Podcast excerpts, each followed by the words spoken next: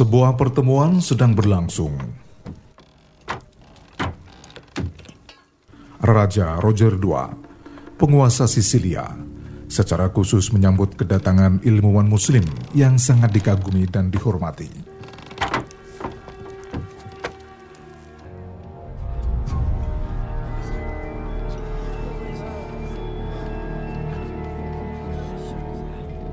Sang ilmuwan duduk di tempat terhormat yang disediakan khusus oleh sang raja.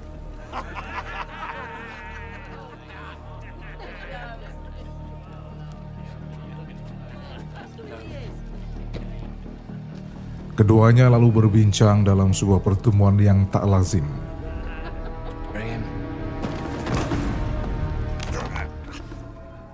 Saat itu, umat Islam sedang berjihad melawan tentara perang salib di Yerusalem. Tapi ada dua orang berbeda agama, status dan peradaban, justru duduk berdampingan di Sisilia, sebuah wilayah bekas kekuasaan Islam. Kisah itu terjadi di Palermo, Sisilia, tahun 1138 Masehi. Ilmuwan Muslim yang mendapat undangan kehormatan dari Raja Roger II adalah Al-Idrisi. Ia seorang geografer dan kartografer atau pembuat peta termasyur di abad ke-12 Masehi.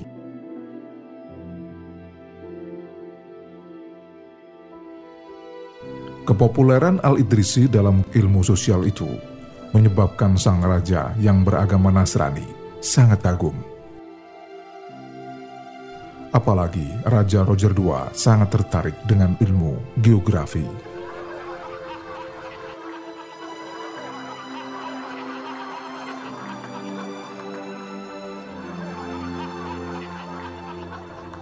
Raja Roger II mengundang Al-Idrisi ke istananya yang megah, lalu meminta agar dibuatkan peta oleh sang ilmuwan muslim, Al-Idrisi.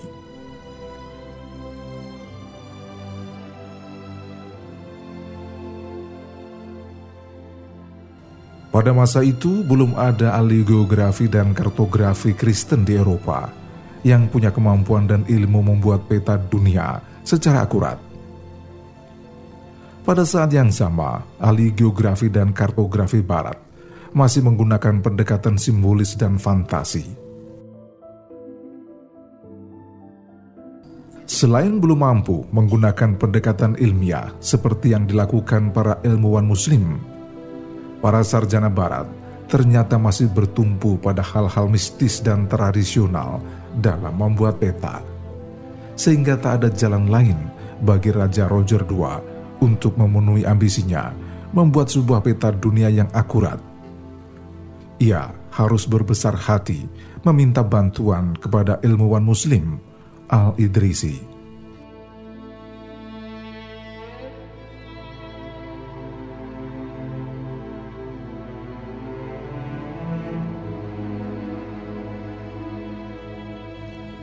Dalam pertemuan itu, Raja Roger II dan Al-Idrisi sepakat membuat peta dunia pertama yang akurat. Proyek besar akhirnya dirancang dan direncanakan akan selesai dalam waktu 15 tahun. Pada saat yang sama, akhirnya disepakati pendirian Akademi Geografer yang dipimpin Raja Roger II dan Al-Idrisi.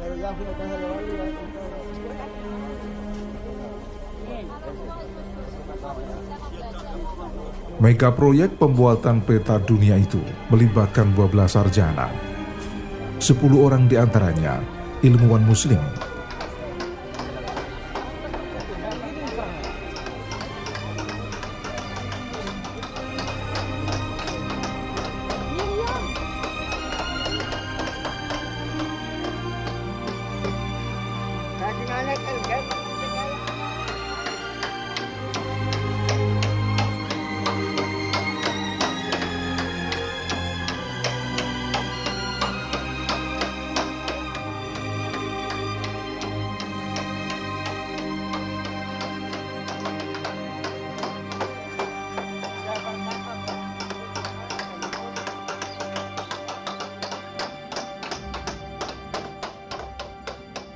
Al-Idrisi merasa beruntung bisa mengerjakan pembuatan peta di kota Palermo, karena di kota itulah para navigator dari berbagai wilayah seperti Mediterania, Atlantik, dan perairan utara sering berkunjung.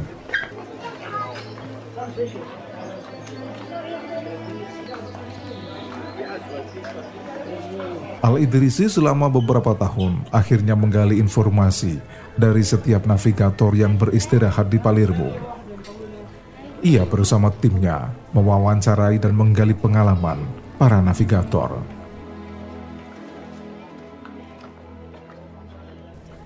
Penjelasan mereka akan dikonfrontir pada navigator lainnya. Hasil kajian itu lalu dirumuskan Al-Idrisi menyaring fakta-fakta yang berhasil dikumpulkan dan hanya menggunakan keterangan serta penjelasan yang paling valid sebagai acuan untuk membuat peta.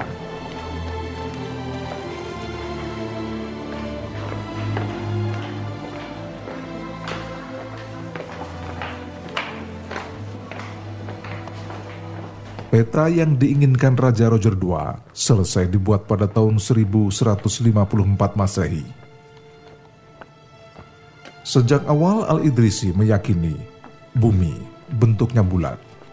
Itu yang akhirnya diwujudkan dalam peta bola bumi alias globe dari perak. Bola bumi yang diciptakannya saat itu seberat 400 kg. Dalam globe itu Al-Idrisi menggambarkan enam benua, dilengkapi jalur perdagangan, danau, sungai, kota-kota utama, daratan, serta gunung-gunung. Globe yang dibuatnya juga memuat informasi tentang jarak, panjang, dan tinggi sebuah wilayah dengan tepat. Melengkapi bola bumi yang dirancangnya, Al-Idrisi menulis buku Alkitab Al-Rujari atau buku Roger yang didedikasikan untuk sang raja.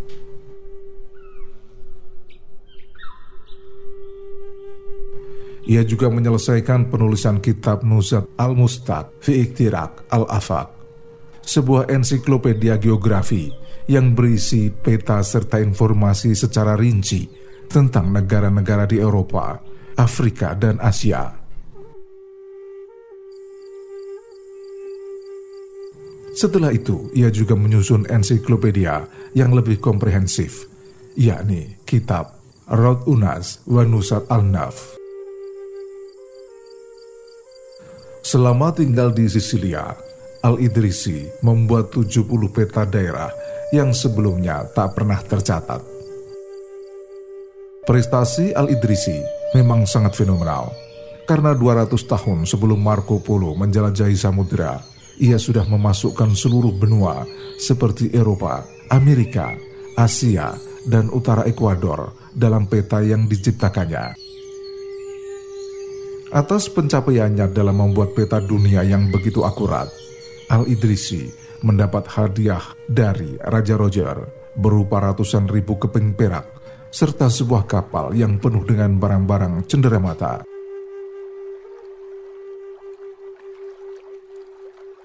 Abu Abdullah Muhammad Ibnu Al-Idrisi As-Sarif adalah seorang kartografer dan geografer, juga ilmuwan kenamaan kelahiran Keuta, Maroko, Afrika Utara tahun 1100 Masehi. Ia dikenal juga dengan nama Al-Sarif Al-Idrisi Al-Qurtubi. Orang barat memanggilnya Edrisi atau Dreses. Al-Idrisi mendapat pendidikan di kota Cordoba, Spanyol.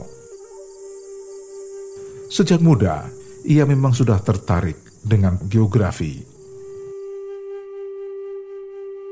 Seperti layaknya geografer, Al-Idrisi sempat menjelajahi banyak tempat yang jaraknya sangat jauh, meliputi Eropa dan Afrika Utara. Ia bahkan sempat mengembara ke Perancis, Spanyol, Portugal, dan Inggris, serta negeri-negeri lain di belahan benua Eropa. Perjalanan itu untuk mengumpulkan data tentang geografi sebagai ilmuwan yang cerdas, Al-Idrisi mampu mengkombinasikan pengetahuan yang diperolehnya dengan hasil temuannya. Pada masa itu, ia bahkan sudah mampu mengukur permukaan bumi secara akurat. Pengetahuannya yang luas tentang geografi dan kartografi membuatnya dikenal di berbagai belahan dunia. Para navigator laut dan ahli strategi militer akhirnya sangat tertarik dan menaruh perhatian pada pemikiran Al-Idrisi. Selain dikenal sebagai geografer dan kartografer, Al-Idrisi juga memberi sumbangan bagi pengembangan studi zoologi dan botani. Kontribusinya pada saat itu sangat penting bagi pengembangan ilmu hayat dan hasil temuannya ditulis dalam beberapa buku. Ia begitu intens mengkaji ilmu pengobatan dan tubuh-tumbuhan. Tak heran jika ilmu botani berkembang pesat di Cordoba tempat Al-Idrisi menimba ilmu. Salah satu buku botaninya yang paling terkenal adalah Kitab Al-Jamil Al-Sifat Astad Al-Nababat yang mengulas dan menggabungkan semua literatur dari berbagai topik tentang botani dan khusus mengkaji pengobatan tumbuh-tumbuhan. Dalam bukunya, Al-Idrisi mengelompokkan nama-nama tanaman obat dalam beberapa bahasa termasuk Berber, Suriah, Persia, India, Yunani, dan bahasa Latin. Buku yang ditulisnya sangat berpengaruh bagi para sarjana dan ilmuwan di Eropa. Ilmuwan Barat, Scott, mengakui kehebatan Al-Idrisi merancang dan membuat peta dunia yang sangat akurat. Menurut Scott, selama 300 tahun, peta yang dibuat Al-Idrisi diciplak para geografer tanpa mengubahnya sedikit pun. Itu membuktikan para geografer barat begitu mengagumi dan mengakui kapasitas keilmuan Al-Idrisi. Dikatakan pula, kompilasi yang disusun Al-Idrisi menandai era dalam sejarah sains.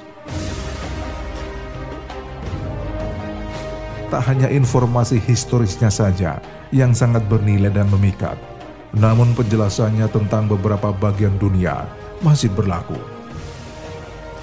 Selama berabad-abad, peta yang dibuatnya telah digunakan para penjelajah barat untuk berkeliling dunia. Tanpa peta Al-Idrisi, Christopher Columbus tak bisa menginjakkan kakinya di benua Amerika.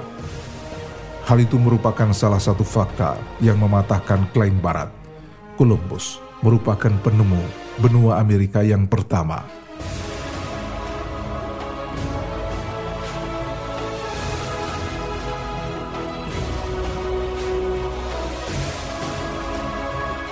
Al-Idrisi meninggal pada tahun 1160 Masehi di Sisilia, Italia.